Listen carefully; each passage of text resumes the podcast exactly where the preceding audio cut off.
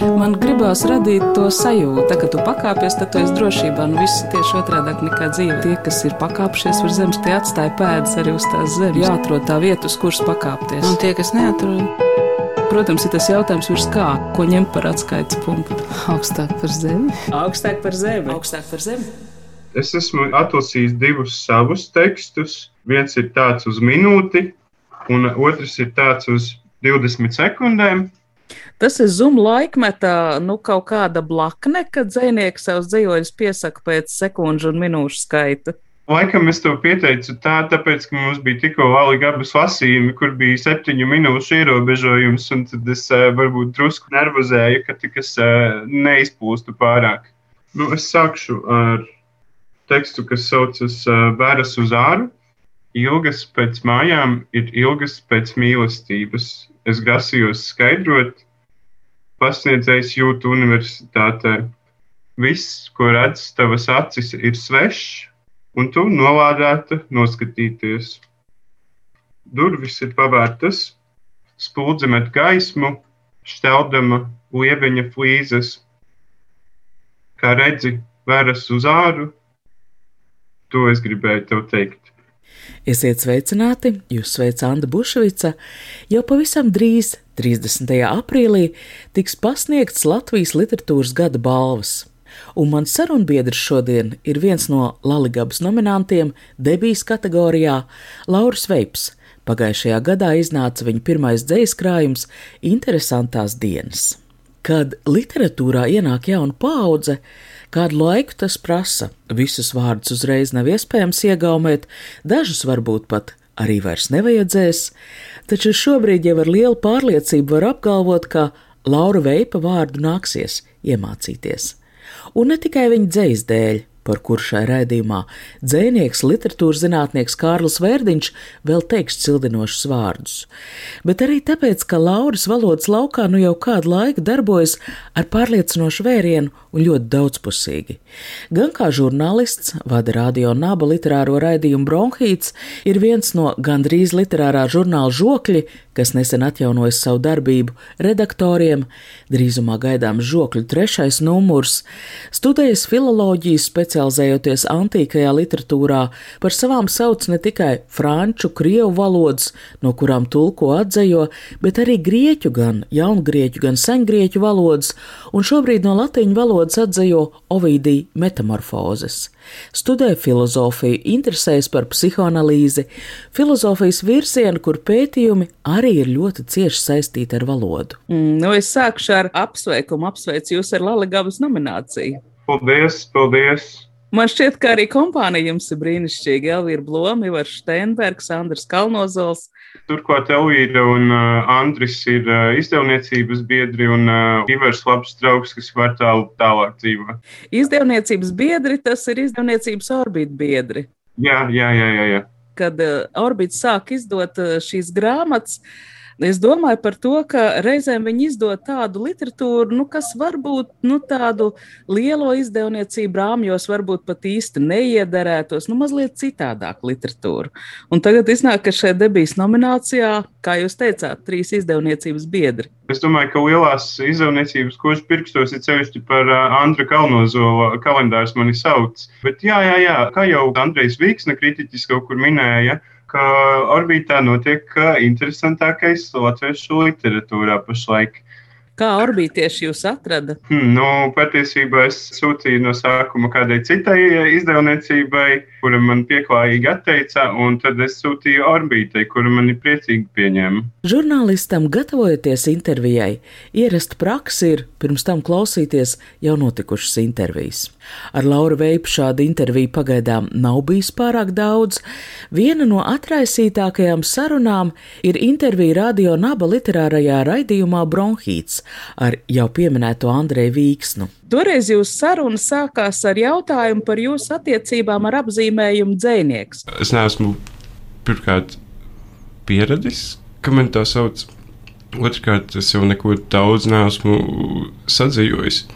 Un treškārt, man ir nērti pieņemt tādu apzīmējumu, jo cilvēks taču ir ļoti daudzas uh, lietas. Un, protams, es kā uz šejienu nāku kā cēnieks, bet kad mani stādu tā priekšā, tad nāk klāt tā kaut kāda kultūra pagāža un kaut kāds tāds, tāds baigais, tas cringe, kas ir asociēts parasti, kas bieži tiek asociēts ar dzīsniekiem un ir ceļš cilvēkiem, kuri nekautrīgi sevi tā sauc. Kā ir šobrīd? Tā saruna bija pirms gadiem.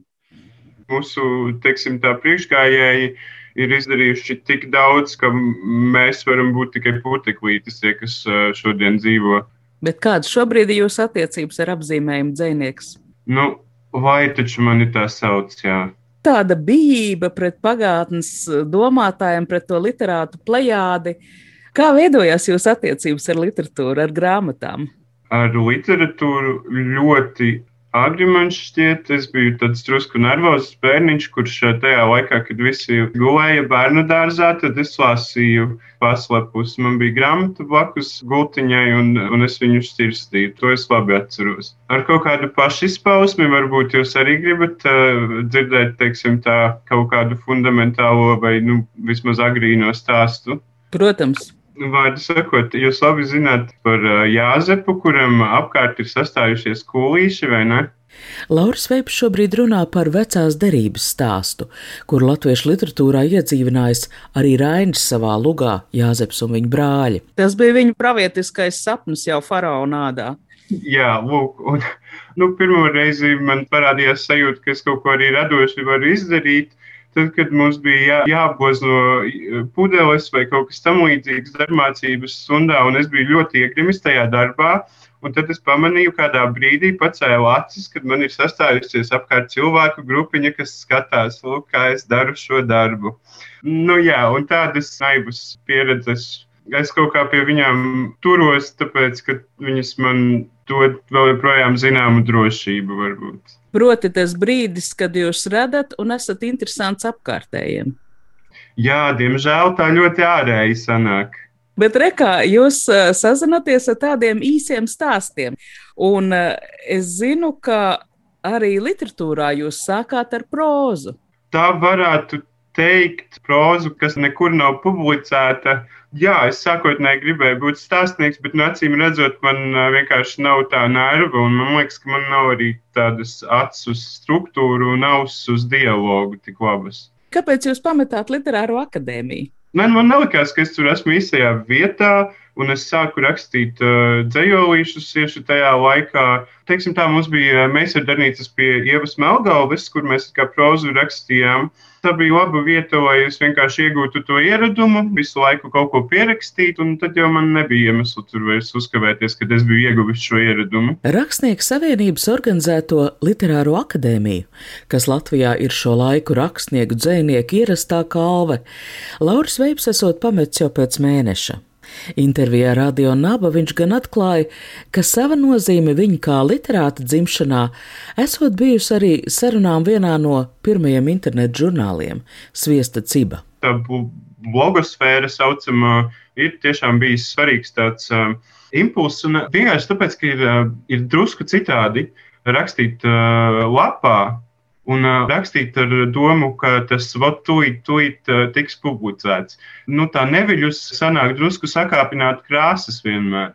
Un kaut kādā ziņā jau dzējas darbs arī ir sakāpināt krāsas bieži vien. Protams, tajā kāpinājumā jau arī rodas tā pieredze. Tas nav vienkārši, ka tu lūk, pārspīlē, bet tā adresētība kaut kāda nu, jā, minētajā cibā, nu, mudina vienkārši rakstīt uh, kaut kā efektīvāk, varbūt. Un darbs Latvijas sabiedrisko mēdīju angļu versijas redakcijā. Tas bija pirms vai pēc? Jūs rakstījāt jau nu, prózu. Tas bija tā kā pēc. Es tur vairs nestrādāju no nu, jau divus gadus, bet jā, tas bija pēc maniem tiem ilgajiem un nesekmīgajiem mēģinājumiem. Varētu apgalvot, ka Laura Veipa stāstus, kurus, kā viņš saka, neviens nekad nav lasījis, mēs joprojām tomēr varam izlasīt Latvijas sabiedrisko mēdīju portālā. LSM ziņu portāla angļu un krievu redakcijas darbs nedaudz atšķirās no ziņu plūsmas latviešu valodā. Tās radītajiem stāstiem jāspēj ieinteresēt, aizraut arī nejaušu lasītāju. Tāpēc te ir stāsti par interesantām lietām, par neapzinātu krievu valodas prašanu dzīvojot Rīgā, par plaukstošajām meistarālus darināšanas tradīcijām Un šādiem stāstiem pilnīgi noteikti vajadzīgas arī zināmas literāta prasmes. Lauris Veips LSM portālā iepazīstināja arī ar Latvijā dzīvojošiem literātiem, un viņa izvēlē parādās patiesa literatūras lauku pārzināšana. Nu, piemēram, te ir latgaliski rakstošais Raibijs, ir multimediāli radošā Latvijas krievu dzēniece Jeļena Glazova, brīnišķīga LSM angļu versijas redaktoru Laura Veipa un Maika Koljēra pirms pāris gadiem iedibināta rubrika bija Latvijas kolorīts. Iesaku to uzmeklēt LSM arhīvā, daļa sižeta no šīs sērijas tika iztulkot arī latviski. Pēdējais, no yeah, Latvijas kolorīts. Latvijas kolorīts. Aplausi! Pastāstīsiet par to Tas jums bija pašam. ļoti jauki un tas bija ļoti priecīgi. Mēs divas sezonas uztaisījām. Maiks pārsvarā rakstīja rakstus, bet uh, bija vienkārši ļoti jautri uh, mūsu uzstādījums uh, tai rubrikai rakstīt, teiksim, tā par jocīgo, par to, kas varētu iekrist acīs, skatoties uz Latviju ar kaut kādām tādām, nu, svaigām acīm. Jums sakrit humora izjūts. Nu, Maiks ir smieklīgāks drusku, es esmu vairāk ironisks, man šķiet, un sarkastisks. Kuri stāsti bija jūsējie, jo tur tā īsti netiek atšifrēts. Ah, nē, nē, tur tika, tika atšifrēts. Tie, kas latviešu parādījušies, tie visi ir uh, maika. Paši interesantākie, kurus man bija visinteresantāk rakstīt, bija par 15. trolēbusu, kurā es ilgus gadus pārvietojos, un uh, arī šo to varēju novērot. Respektīvi, tur jau pat nevajag novērot, tur tā realitāte tev virsū brūk, tā sacīt. Otrs mīļākais man bija par uh, Mārtiņdienas tirgu, kurā es aprakstīju varbūt diezgan muļķīgas uh, bērnības atmiņas par to, kā man klases biedrs Mārtiņdienas tirgu pārdeva kamīšus, kuri visi tajā pašā dienā nomira. Kā tas nāks, ka jūs tik labi protat angļu valodu? Tāpēc, ka es domāju sākumā, ka es viņu protu, pelnīju kaut kādu pirmo naudu, tur 16 gadu vecumā, it kā tulkojot uz angļu valodu, it kā kaut kādus reklāmrakstus rakstot. Un tad lēnām, lēnām es arī sāku arī normāli viņā kā rakstīt un sazināties. Amerikāņi teiktu, fake it till you make it. Tas ir principā mans dzīves stāsts. Tas viss notika Madonā. Uh, jā, tas vēl bija Madonā. Jā. Andrēs Eglīts ir no Madonas, no Ļaudonas. Es Um. prātoju, kāda ir tā literārā vide Madonā. Es zinu, ka Jānis Ezeriņš ir eh, pasniedzis Lazdonas eh, skolā, un es esmu no Lazdonas pagasta, drusku ārpus Madonas. Nu, kaut kādas, nezinu, pusstundas gājienā no centra 40 minūšu. Literārā vide Madonā neeksistē, vismaz mūsdienās. Es vienkārši prātoju, no kurienes jums tas impulss doties uz Rīgu, studēt filoloģiju, varbūt nebūtu tik pārsteidzoši, bet jūs jau iestājoties bijāt izlēmis, ka tā būs tieši antīkā literatūra, nu, jūsu specializācija. Nē, es netiku angļu filologos, un tad es tiku, tad es tiku klasiķos. Fake it till you make it, izliecies līdz tev sanāk, līdz patiešām sāk izdoties. Angļu aforisms dzimis pagājušā gadsimta 70. kas iedrošina imitēt pašapziņu, kompetenci, rosina uz optimismu, ka darot cilvēks var iemācīties gandrīz jebko. Arī attiecības ar dzēju Lauris Veips esot iedibinājis, sekojot šai devīzei. Kārļa Vērdiņa recenzija par krājumu interesantās dienas internetu žurnālā Satorī sāks ar īsu recenzējumā radošās biogrāfijas pārskatu, un no tā tad arī var uzzināt, ka Lauris Veips pie dzējas apvāršņa parādījies 2014. gadā, kad kopā ar Henriku Elijas Zēgneru no Krievu valodas atzējojas Jevgeņija Neleša grāmatiņu Uznācis. Un tas esot bijis tā, vēlāk izstāst mans sarunbiedrs. Zegners nemācējis krievu valodu, tad nu Lauris esot rakstījis parindeņus.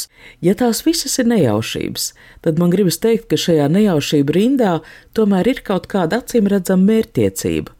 Un negribās jau tos lielos vārdus, to patētiku, bet tomēr jāpatur acīs arī iespējamība, ka tas ir talants.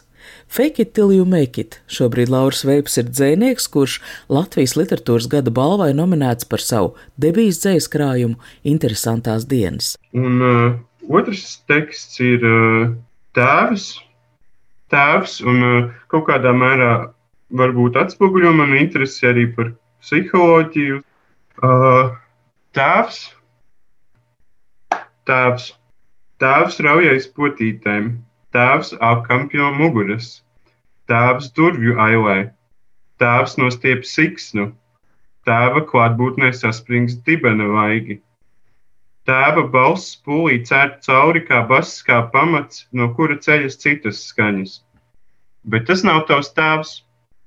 Tēti, tēti, tēti, saki man tā, tavs suns ir tavs? Jā. Tavam sunim ir bērni? Jā. Tātad tavs suns ir tēvs? Jā. Tātad tavs suns ir tavs tēvs? Jā. Tēvs ieķēries potītē, tēvs gaida, tēvs sargā, tēvs ņem ciet. Tēvs nesaprot, kāpēc tu viņu slikti baro un turi pie ķēdes, jo tēvs nav suņa bērns. Tēvs ar svešiem puikām piedzēries spēlēt tenisu. Tēvs svētdienās sešos no rīta modina uz krosu apkārt pilsētai un no aizmugures apmetā ar egļu čiekuriem. Tēvs vāļājas zālē, vienkārši vāļājas. Kāpēc tu nevāļājies tēvam blakus? Tēvs raksta dzējus ar citu. Tēvam ir lasījums tavā istabā. Tēvs ilgi gaidīja durvju ailē. Tēvs apsēžas uz ķeblīša, prožektora gaismas sitas pret pliko pauri kā akmeni. Tēvs noklapojas un sāk. Kāds ir šis krājums interesantās dienas? Man liekas, ka kopumā vispār tajā savā kaut kādā poezijā mēģinu virzīties uz sapratni, es mēģinu saprast, un tāpat laikā es mēģinu arī varbūt to, kas nav pārāk veiksmīgi, tomēr kaut kā likt lietā, kā ir rakstīts par šo krājumu, provocēju līdzpārdzīvojumu un tā, bet nu, kopumā nu, tur ir tas, kas man ir licies pavēstīšanas vērts. Kārls Vērdiņš. Ļoti laipna recenzija par Laura Veipa jauno krājumu interesantās dienas satorī. Jūs viņu dēvējat par vienu no talantīgākajiem no nesen debitējušiem autoriem. Man šķiet, ka šo talantu tā konkrēti izmērīt un nosvērt ir ļoti grūti. Šis mans spriedums varbūt drīzāk ir balstīts uz manu 20 gadus ilgo recenzentu un vēl ilgāko lasītāju pieredzi, jo tādi talanti jau tomēr nedzimst katru dienu un katru gadu neizdod savas pirmās grāmatas. Es domāju, ka arī pagājušā gada ļoti dāsnajā debiju ražā Lauris ir ļoti pamanāms, par ko liecina arī viņa nominācija Laligabai.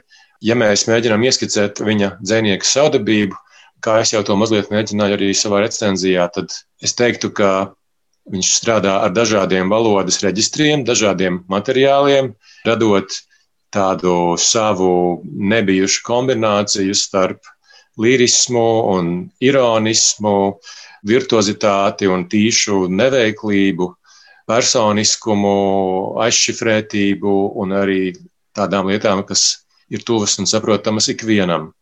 Lūk, es teiktu, tāds ir tas viņa kokteilis. To kokteili izbauda arī mūsu sarunā. Mans sarunbiedrs brīvi sērfo starp valodas slāņiem, izmanto zinātnes terminoloģiju, kad runājam par nīči, atļaujas būt naivi neveikls, kad pretojas formulēt atziņā kādu tikai sajūtās rodam apjausmu. Intervijā Radio Naba intervētājam Andrijam Vīksnam ir kāda nenoliedzama priekšrocība. Viņš acīm redzam ilgstoši pazīst savu sarunbiedru un citē viņa ikdienas dzīvē izmests izteikums. Nu, piemēram, kad dzējols ir kā samīļošanās.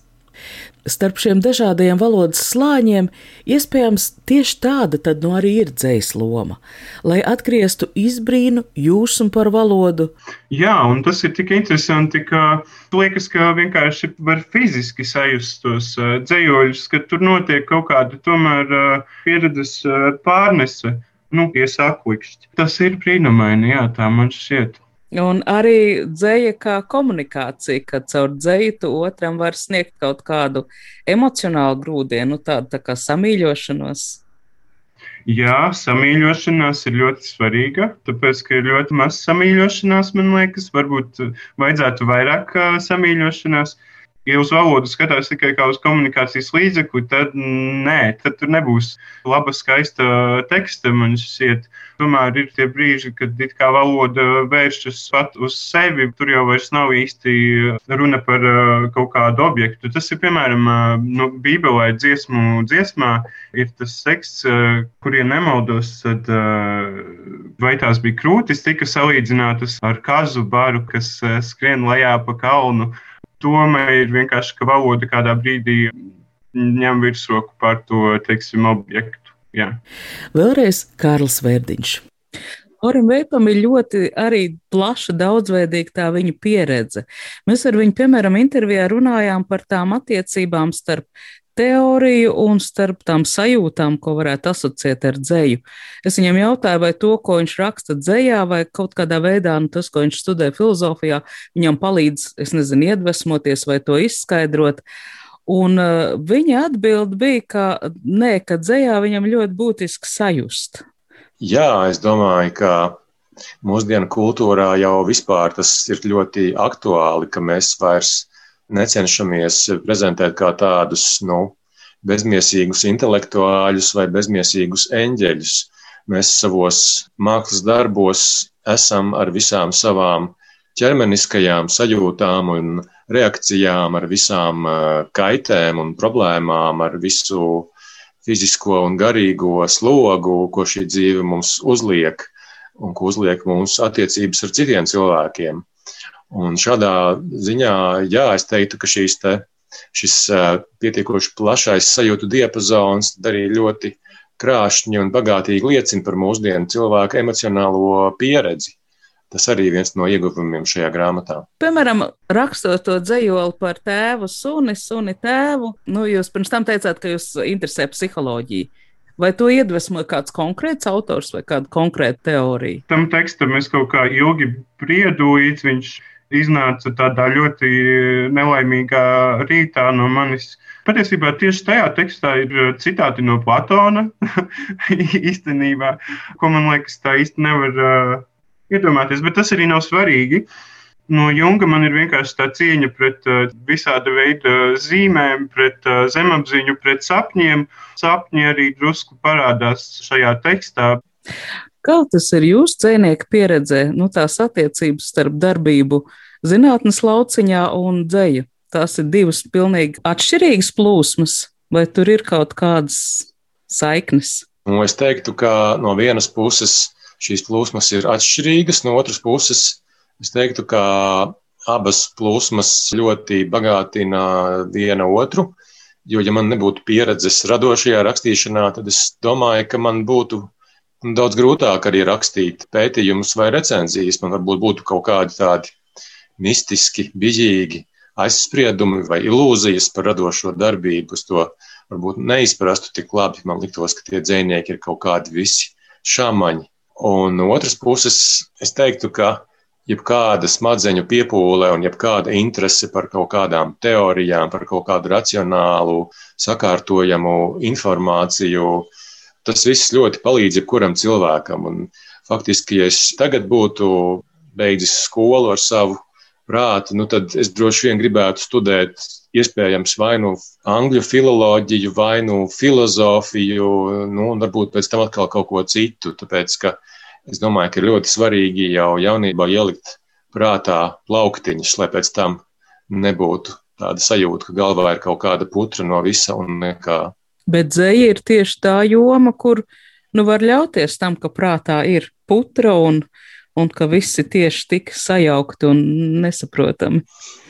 Redziet, tas ir tāds mānīgs iespējas. Ja? Mums ir pietiekoši daudz dzinieku, kuriem galā patiešām ir īsta putra, bet šie dzinieki varbūt nepiedar pie maniem mīļākajiem dziniekiem. Un, ja arī Lauris Veips raksta verlibrā bez, es nezinu, stingras metriskās struktūras un neraksta sonetu vainagus, bet uh, tas, kāpēc dzējolis turas kopā, kāpēc dzējoļa intonācija to tur kopā vai tēlu sistēma to tur kopā, tur visur apakšā ir arī racionāls pamats. Jā. Līdz ar to tas ir tas labais, ka šī dzeja mūs spēj apmānīt, ka es jau neko, es jau tikai te jūtu kaut ko, bet, lai izteiktu savas jūtas, tomēr tur daudz kam ir jābūt apakšā. Arī Lauris Veips vēlējās studēt svešvalodu filoloģiju, šobrīd studē filozofiju, kad jautāja par viņu pētnieciskajām interesēm filozofijā. Mans sarunbiedrs vispirms jautri uzsprāgst, ka viņam esot pirmais mācību gads, un viņš vēl drīkstots filozofijā neko nejēgt, bet pēc tam gan izstāst, ka pētījuma tēma tomēr esot iecerēta - sengrieķu vēsturnieku Tukididu izlasīt caur Friedriha Nīčes darbiem. Šobrīd Laura Sveips atzījo Ovidiju metamorfozes. Kas ir tik aizraujoši antīkajā kultūrā? Tekstos? Nu, neko jaunu nepateikšu. Kaut kāda tīrība, domāju tieši par antīko liriku. Tieši tagad pārlasu tos mazos uh, sapfo fragmentiņus. Homērs man, protams, ir vismīļākais autors, un uh, viņš vienkārši ir ļoti, ļoti bagātīgs, bet arī ļoti, ļoti moderns. Viņu lasot tā ļoti lēnām attaust, cik tā dzēja uz to brīdi jau patiesībā bija augstu attīstījusies. Es domāju, kas varētu nolasīt uh, fragment. Tās ir, nu, nezinu, kādas 30 uh, heksametra rindiņas. Tas ir uh, no metamorfožas desmitās grāmatas. Orfejam tikko ir bijušas kāzas un ir gaidāmas uh, sliktas lietas, kas notiks. Iznākums ļaunumā pārspēja mājienus. Līgava jaunā, najādu pulciņa ieskauta brida pa zāli. Te pēkšņi Čūska tās potītē ielaida zobu un nomira viņa. Rodopes pareģis, novaimanājies līdz debesu velvei par sievu, ņēmās iet lejā pa tainerijas vārtiem uz stiksu, lai apakšas valstī censtos žēlināt mirušo ēnas. Pa gaisīgo ļaužu un bērēto veidolu pulku tas gāja, līdz sastapa Persefonēju, tai blakus trūcīgā sēnu pasaules kungu. Nu, stīgas skāris uz dziesmu, varonis dziedāja. Dievi, kas valdāt pār sauli zem zemes, pie kuriem visi mirstīgi dzimušie pēdīgi nāksim, ja ļausit nometot malā valšķīgas mēlnešu pļāpas, patiesi runāt, tad saku, nāsmu te nokāpis skatīt, tartaru tumšo vai sašņorēt medūzas briesmīgā bērna, trejās rīklis, ko apklāja odžu mūžs. Kāpēc Ovidijs tā jūs aizrāva? Nu, viņš ir visai frivols, es teiktu. Viņš ir virspusējs un viņš smejas. Un, nu, viņš, protams, arī ir vienkārši milzīgs izaicinājums. Tāpēc, ka tie smiekli jau ļoti slikti translējas un ir daudz jādomā, vārds sakot, un jāķimerējas, teiksim tā. Kad Lauris Veips saka, ka viņam patīk aizpildīt tukšums, Es šo tendenci pamanu un ļoti augstu vērtēju gandrīz literārā žurnāla žokļi līdzinējā saturā, kur blakus žurnāla veidotāja dzējai Lauris Veips tagad ir viens no žokļu redaktoriem, ir gan tulkojumi no svešvalodām, gan atgādinājumi par šobrīd piemirstu padomu laika autoru dzēju. Par mana sarunbiedra literāro gaumi vai vismaz interesēm var spriest arī no Radio Naba literārā raidījuma Bronhīts virsrakstiem. Šobrīd kopā ar Signu Višku Lauris Veips ir viens no tā veidotājiem. Komunikācija, kas notiek apdzēji, vai tā jums ir svarīga? Man ir svarīgi tomēr satikt ciniekus un runāt ar ciniekiem. Tāpēc vien, tas notur manu prātu vienkārši pie tās literatūras. Protams, ka viņa ir svarīga. Vajag taču kādu, kuram lasīt, un uh, vajag taču kādu, kas tevi lasa un saprot arī. Kas ir tā kompānija, kurā jūs labi jūtaties? nu, no latviešiem neko jaunu nepateikšu. Mīlu cienu Kārli Verdiņu, Annu Auziņu, Ingmāru Balodi, Raimondu Čirķi, Lasu, protams, savus draudziņus, žokļa redakcijas biedrus Kirilu, Ēci, Mariju, Luīzi, Meļķi Lasu, Ivaru Steinbergu Lasu. Vilke man ir no tādiem drusku attālākiem noteikti mīļākais zvejnieks. Man liekas, ka nezinu, es viņu bieži lasu un pārlasu, un katru reizi atrodu kaut ko jaunu. Ļoti mīļa no mūsdienu dziniecēm man ir Anna Kārsone, kanādiešu autore, arī klasiķe, nu, kura, liekas, to filozofiju, kurai es esmu pieķēries, viņa ir spējusi. Viņa vienkārši spēja kaut kā viņu izmantot, eh, pavērst eh, literatūru, atrast to starposmu. Vārdu sakot, daudz visādu ietekmi un nekad nejutīsies pa īstam viens, ja tu esi lasītājs. Ar dzinieku, tulkotāju, literatūras procesu uzturētāju Lauru Veipu sarunājās Anna Buševica, par šī rēdījuma skaņu gādāja Valdis Raitums. Tā kā tu pakāpies, tad tu esi drošībā. Nu, viss ir tieši otrādi nekā dzīve. Tas ir tā spēle, jā. Tie, kas ir pakāpšies virs zemes, tie atstāja pēdas arī uz tās zemes. Protams, ir tas jautājums, ko ņemt par atskaites punktu. Nē, nu, principā ir skaidrs, augstāk par zemi. Jāatrod tā vieta, uz kuras pakāpties. Augstāk par zemi. Augstāk par zemi. Augstāk par zemi.